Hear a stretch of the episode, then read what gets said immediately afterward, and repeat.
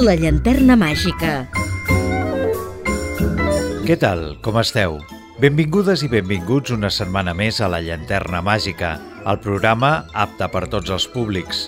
Edició número 243 des dels nostres inicis i 17a d'aquesta setena temporada. La il·lusió en els ulls del nen quan es desperta el dia de Reis i va corrent a veure els regals que li esperen sota l'arbre no té preu. Tots voldríem tornar a aquesta etapa de la nostra vida on tot és una mica més fàcil i, per tant, més feliç.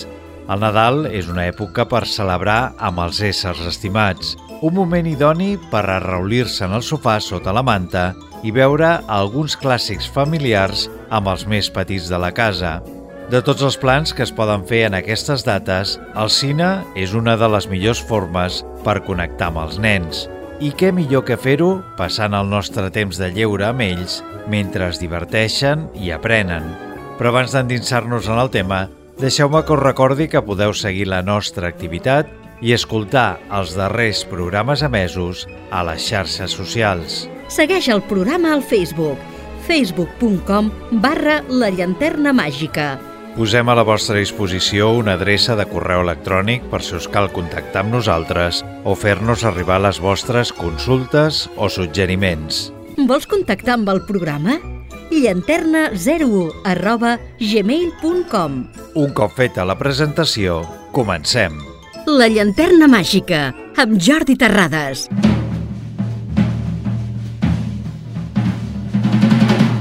Què passa quan vius amb una família d'adopció, els Dursley, que no t'estimen massa? Doncs pot passar que comencis a saber qui ets realment quan un bon dia reps una carta de Hogwarts, una escola de mags. No cal explicar massa cosa més per saber que us estic parlant de Harry Potter i la pedra filosofal, la primera pel·lícula d'una saga de vuit en total. Gran part del secret de l'èxit del film ve donat per la fidelitat que Chris Columbus i el seu guionista Steve Klops guarden del llibre original de J.K. Rowling. Recrear el món de Harry Potter i caure en l'embafador en decorats de cartró pedra i personatges de peluix era un dels principals perills, però finalment vam respirar tranquils. El disseny de producció de Stuart Craig és superb, imaginatiu i creïble. Són magnífics els interiors de Hogwarts, aquestes escales que canvien de posició o els quadres animats. Fins i tot, la majestuositat del menjador ens deixa bocabadats. I què m'heu de dir del partit de Quidditch? Les escombres voladores rugeixen. Les pilotes solquen el cel a una velocitat de vertigen. Fins a set companyies diferents d'efectes visuals van contribuir a convertir en realitat la màgia de Harry Potter.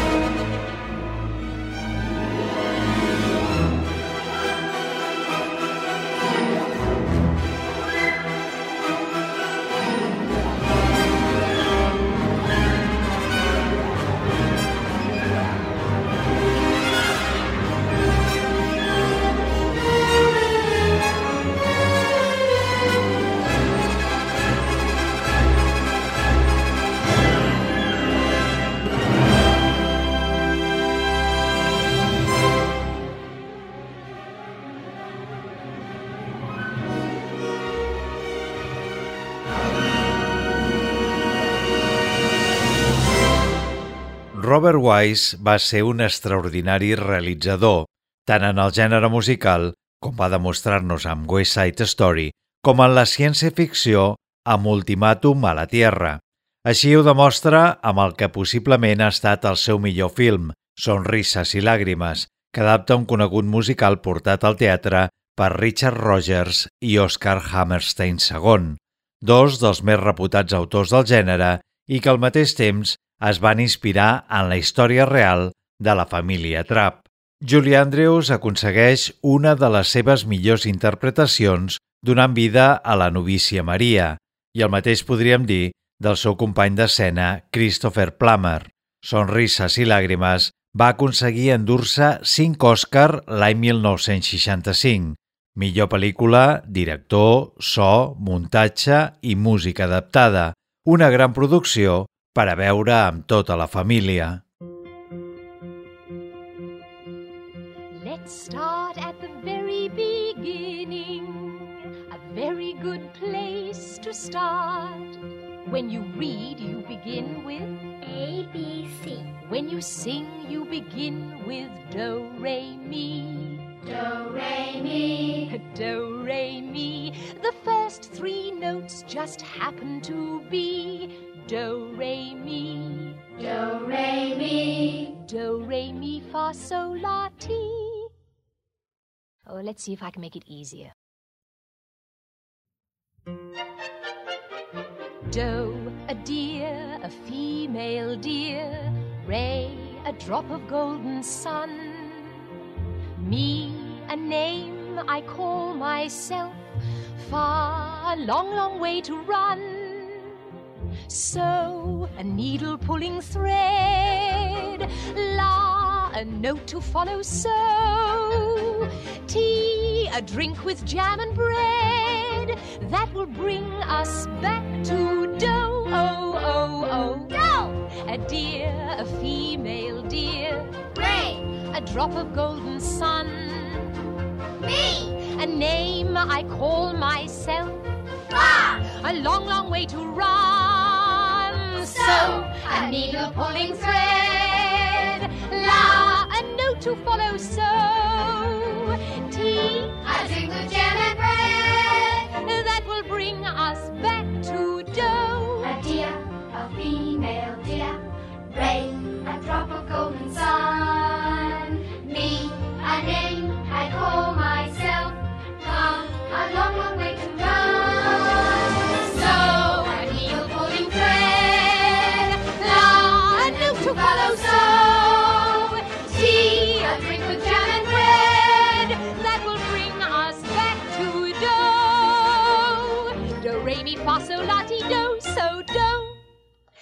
children, do, re, mi, fa, so, and so on are only the tools we use to build a song.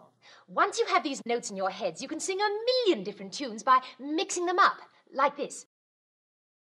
So, do, la, fa, mi, do, re. Can you do that? So, do, la, fa, mi, do, re. So, do, la, ti, do, la, ti, do, re, do. Now put it all together. So, do, la, fa, mi, do, re. So, do, la, ti, do, re, do. Good. But it doesn't mean anything. So we put in words, one word for every note, like this. When you know the notes to sing, you can sing most anything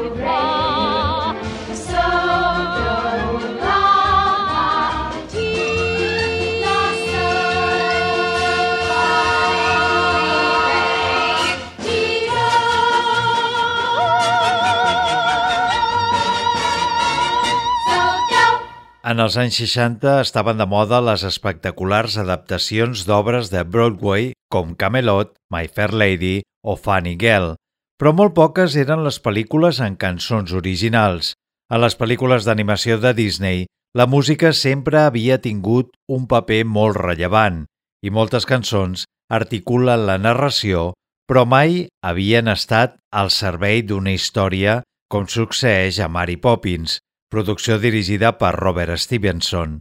Els germans Richard M. Sherman i Robert B. Sherman van compondre una partitura exemplar que permetia fluir la narració al llarg de pràcticament tots els temes que la integren.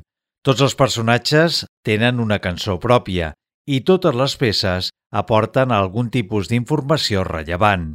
Mary Poppins és l'exemple perfecte de com fer un gran musical, de com un gènere on prima la música per sobre de tot pot anar molt més enllà de l'espectacularitat en la seva posada en escena i que, a més, permet desenvolupar personatges i conflictes reals. Mary Poppins és una d'aquestes obres mestres a les que sempre és un plaer tornar. Sugar helps the medicine go down, the medicine go down, medicine go down. Just a spoonful of sugar helps the medicine go down in a most delightful way.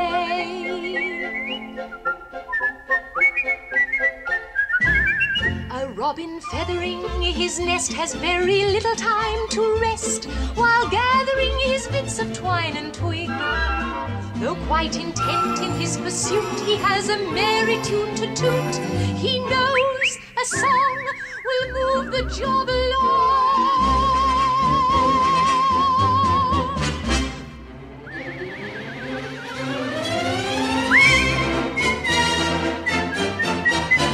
For a spoonful of sugar helps the medicine go down, the medicine go down, medicine go down. Just a spoonful of sugar helps the medicine go down in a most delightful way.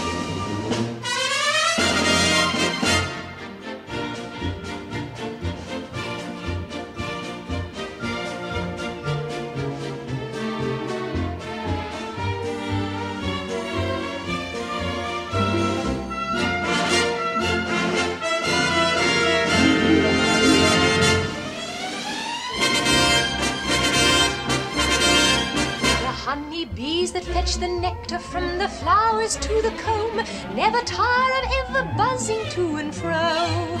Because they take a little nip from every flower that they sip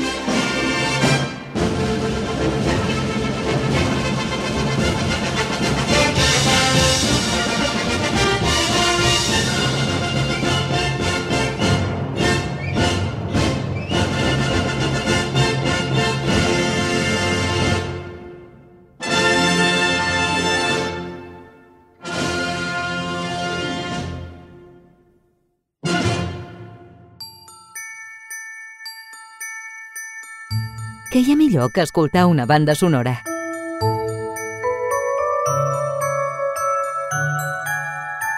La llanterna màgica. Amb Jordi Terradas a Ràdio Sabadell 94.6 En una època on l'animació clàssica de Disney tantejava nous formats, Chris Sanders va accedir a l'estrany privilegi de materialitzar un projecte molt personal, Lilo i Stitch. Ens situem l'any 2002. El seu camí cap al segon llargmetratge va ser especialment tortuós. El director d'animació va ser acomiadat després d'uns quants anys invertits en la pel·lícula American Dog, que més tard es va estrenar sota el nom de Ball. L'any 2010, Como entrenar a tu dragón es va convertir en una de les majors sorpreses de l'any. Basada lliurement en la sèrie de llibres del mateix nom de l'autora britànica Cressida Cowell, la pel·lícula d'animació dels directors Chris Sanders i Dean DeBlue va ser tot un èxit de públic. I vosaltres us preguntareu a què es deu aquest èxit. Doncs a una cosa molt simple, però al mateix temps molt difícil de trobar a la majoria de produccions actuals. Una història i uns personatges treballats tant com amb l'apartat tècnic. I és que no hauria d'estrenar-se cap pel·lícula que tingués descuidat el guió i la narració, donant més importància al treball d'animació i efectes visuals que a la pròpia història.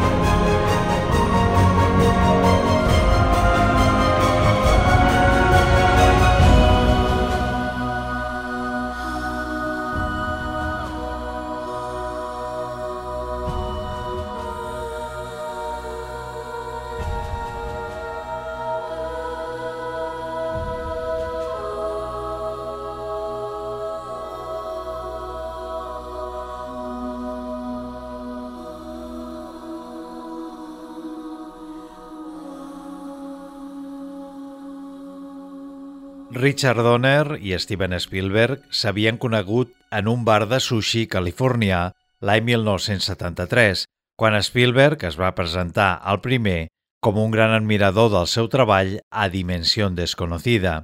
Des de llavors, tots dos cineastes havien flirtejat amb la possibilitat de col·laborar en un projecte comú, coproduint un film que un d'ells dirigiria. Amb Spielberg abocat en els prematurs intents de fer un cine més seriós, amb el color púrpura i l'imperi del sol, seria Donner el que finalment s'asseuria a la butaca de director per filmar Los Goonies, una aventura on uns adolescents s'embarquen a la recerca del tresor perdut d'un pirata anomenat Willy Alborni i que Spielberg havia ideat, deixant la feina d'escriptura del guió al seu protegit Chris Columbus. Parlar de Los Goonies és fer-ho d'una de les pel·lícules que van marcar a foc a tota una generació de joves cinèfils que ara ja ronden els 40.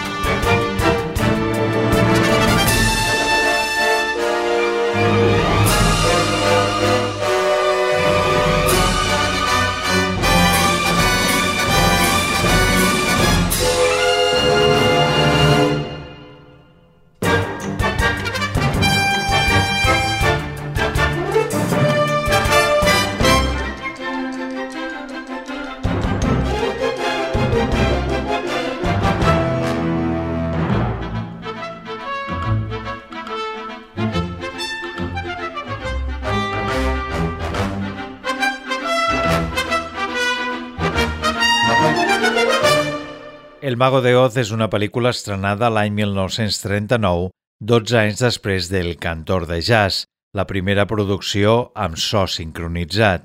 Amb la inclusió del so al cine es va produir un augment de les cintes musicals que ara sí tenien un espai en el setè art. A més, El Mago de Oz es va gravar en color, una cosa sorprenentment atractiva per al públic. Rodada en tecnicolor, una tècnica que havia millorat amb el temps fins a donar la possibilitat de captar tots els colors a partir de tres colors, el vermell, el blau i el verd. Però per aconseguir captar aquests colors es necessitava moltíssima il·luminació. Hi ha algunes fonts que afirmen que es va arribar als 38 graus a l'estudi on es van registrar per culpa dels focus. Es podria dir que el so i el color són els elements forts d'aquesta pel·lícula musical, tot i això, encara queda un altre element de pes, Judy Garland. El Mago de Oz és l'adaptació de la novel·la de L. Frank Baum, portada a la gran pantalla per Victor Fleming. A més a més, a causa de la complexitat de l'adaptació, es va arribar a comptar amb 16 guionistes. Judy Garland, nena prodigi de Hollywood, tenia una veu única i això, sumat a la seva increïble interpretació, la va dur a convertir-se en una de les millors actrius del seu temps.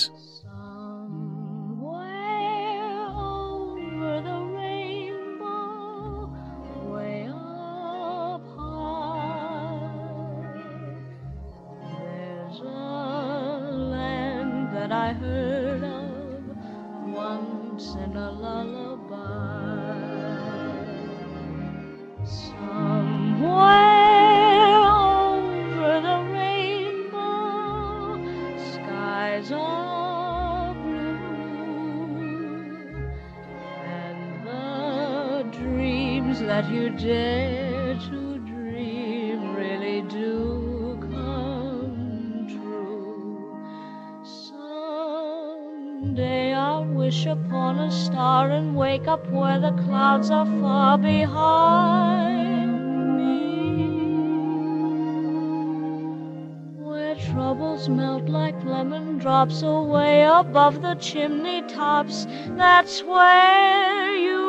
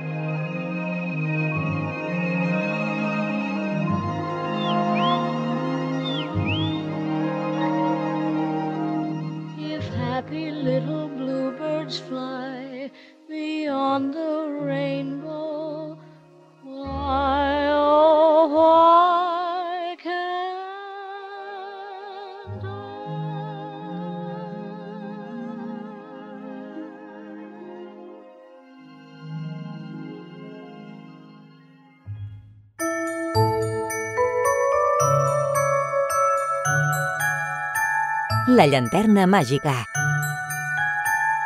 Amb Jordi Terradas. A Ràdio Sabadell 94.6. El guió de Regreso al futuro va ser ideat i escrit per Robert Zemeckis i Bob Gale, un cop finalitzat el rodatge de Frenos rotos, cotxes locos. Passant uns dies a casa dels seus pares, Gale havia trobat un vell anuari de l'institut del seu progenitor, descobrint amb sorpresa que, igual que ell, el seu pare havia estat vicepresident del curs. Aquest descobriment el va fer pensar que si hagués coincidit a l'època estudiantil, tots dos serien amics. Aquest pensament només estava a unes passes de la història de Marty, un noi de 17 anys que per mitjà d'una màquina del temps construïda per un excèntric científic amic seu es trasllada a 1955, any en què els seus pares es van conèixer i es van enamorar. Però portar aquesta idea a la gran pantalla no va resultar un assumpte senzill. Després del primer esbós del guió, ni Columbia ni la Disney van voler confiar la producció a les inexpertes espatlles de Zemeckis. Quatre llargs anys van haver de passar fins que la Universal donés llum verda a Regreso al futuro. Això sí, amb alguns canvis previs i posteriors del rodatge. La banda sonora, obra d'Alan Silvestri, és la segona col·laboració del compositor amb Zemeckis i probablement una de les seves tres millors partitures. power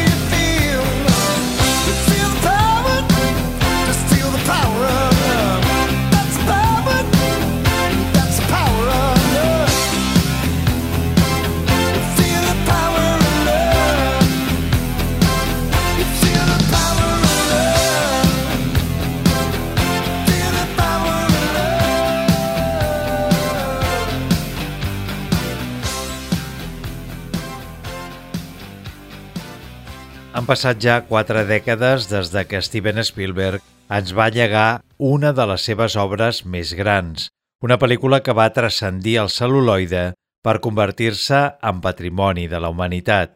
Em refereixo a E.T. l'extraterrestre, un film que va aconseguir arribar als cors de molts nens i grans. Spielberg no seria qui és si no hagués rodat aquesta pel·lícula. Si ja abans havia sorprès amb una visió favorable de la vida més enllà de la Terra a Encuentros en la tercera fase, aquesta producció desmuntava el mite del marcià amb males pusses que arriba al nostre planeta per sembrar la destrucció.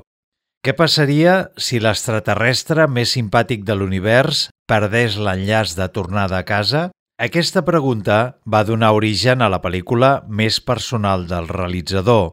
El petit Elliot, que pateix per la recent separació dels seus pares, no deixa de ser l'alter ego de Spielberg, que també va passar per la mateixa situació. Un nen que busca un amic de veritat i li arriba des de més enllà de les estrelles.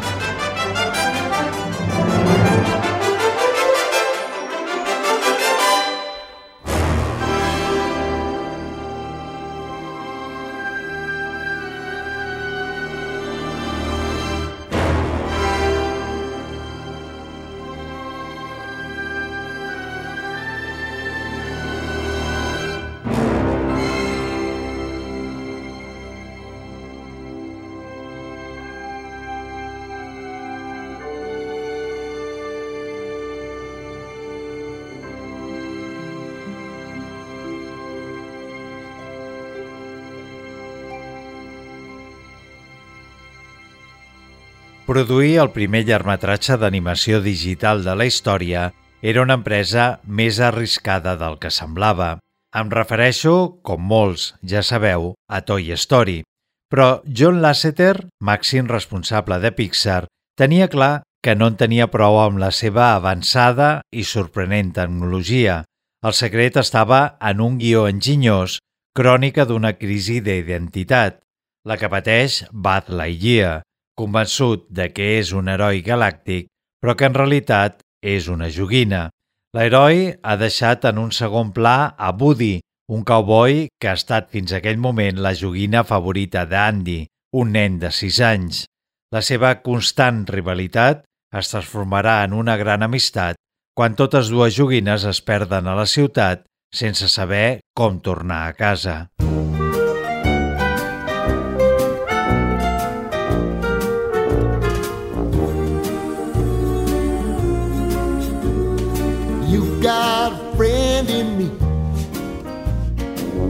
You've got a friend in me.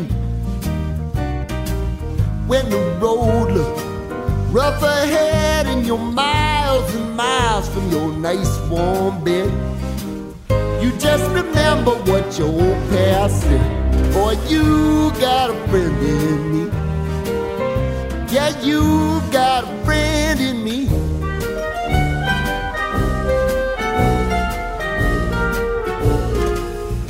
Got a friend in me.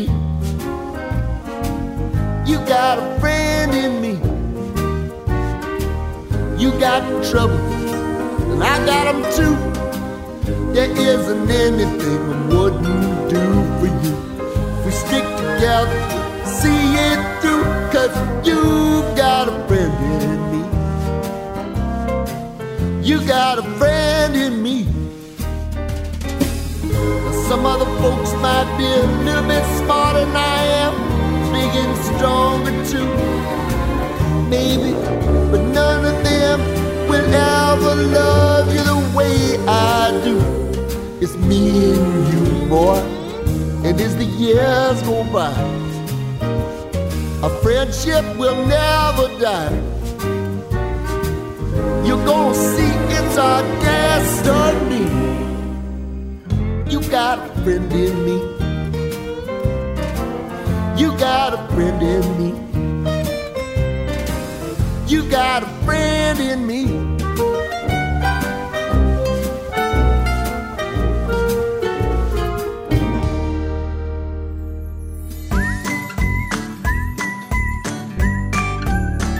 La llanterna màgica amb Jordi Terradast a Ràdio Sabadell. El rei León, producció de l'any 1994, és el primer llargmetratge de Disney basat en un guió original i on no apareix cap ésser humà. La pel·lícula, en el seu moment, va ser tot un èxit i va batre tots els rècords de taquilla, a més de guanyar dos premis Òscar. El secret del seu èxit resideix en una història sobre l'ambició humana de reminiscències shakespearianes, en una ambientació suggeridora on es nota que part de l'equip es va traslladar a la sabana africana per captar tots els elements i fer-los més creïbles, i en els entranyables personatges, especialment Timó i Pumba, divertits secundaris. També destaca la cuidada barreja d'animació tradicional amb animació digital, gràcies a la qual van ser possibles efectes realistes de fum o reflexos d'aigua i seqüències molt espectaculars. A destacar la de l'estampida, amb una banda sonora fantàstica liderada per Elton John i el seu memorable Can You Feel the Love Tonight, podem dir sense cap mena de dubte que El rei León és una pel·lícula d'una època on el cine tenia un altre significat. Per sort, avui en dia encara podem gaudir-la amb tota la família. Hakuna Matata. Vive y deja vivir. Hakuna Matata. Vive y sé feliz.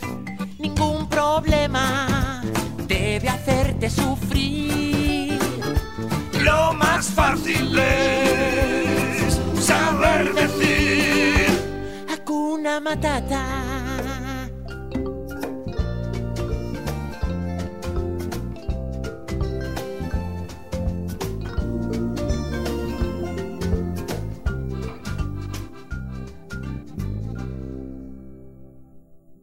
Cuando era muy pequeñín. Cuando era muy pequeño. Muy bonito. Gracias. Notó que su aliento no le olía muy bien. Los demás deseaban alejarse de él. Hay un alma sensible en mi gruesa piel. Me dolió no tener un amigo fiel. ¡Qué gran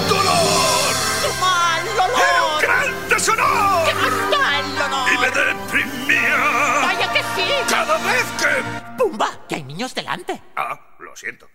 Hakuna Matata, qué bonito es vivir.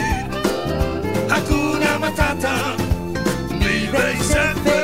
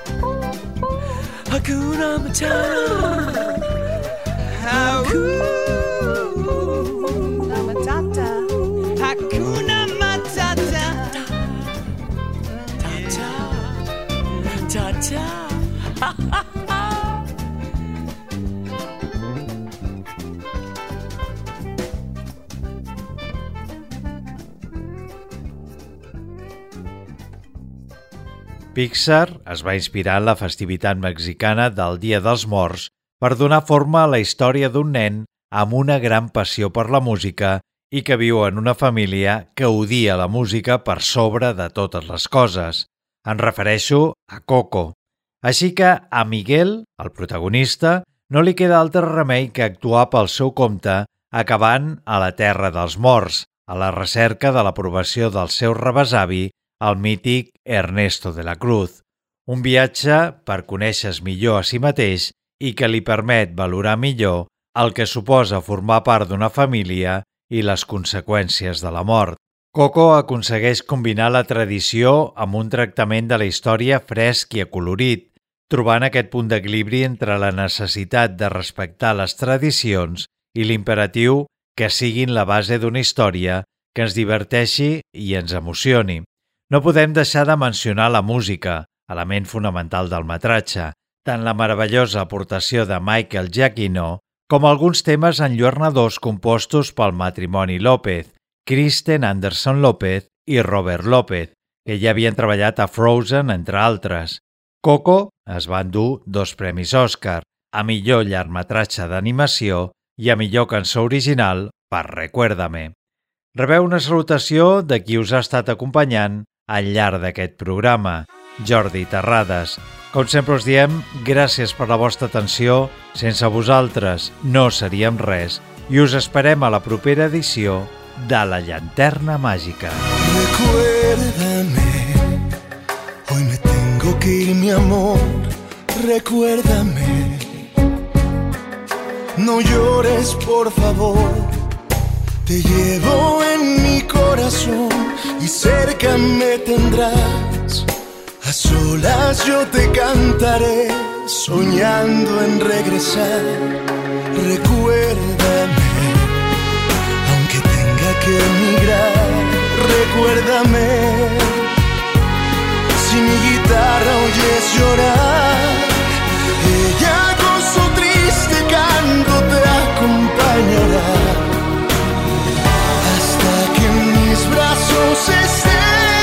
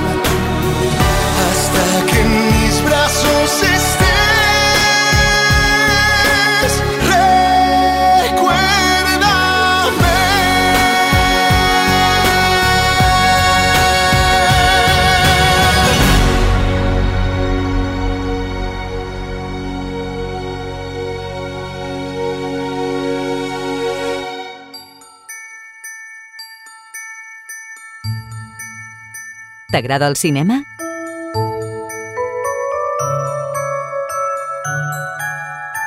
La llanterna màgica. Disponible a Spotify, Apple Podcast i iVox. E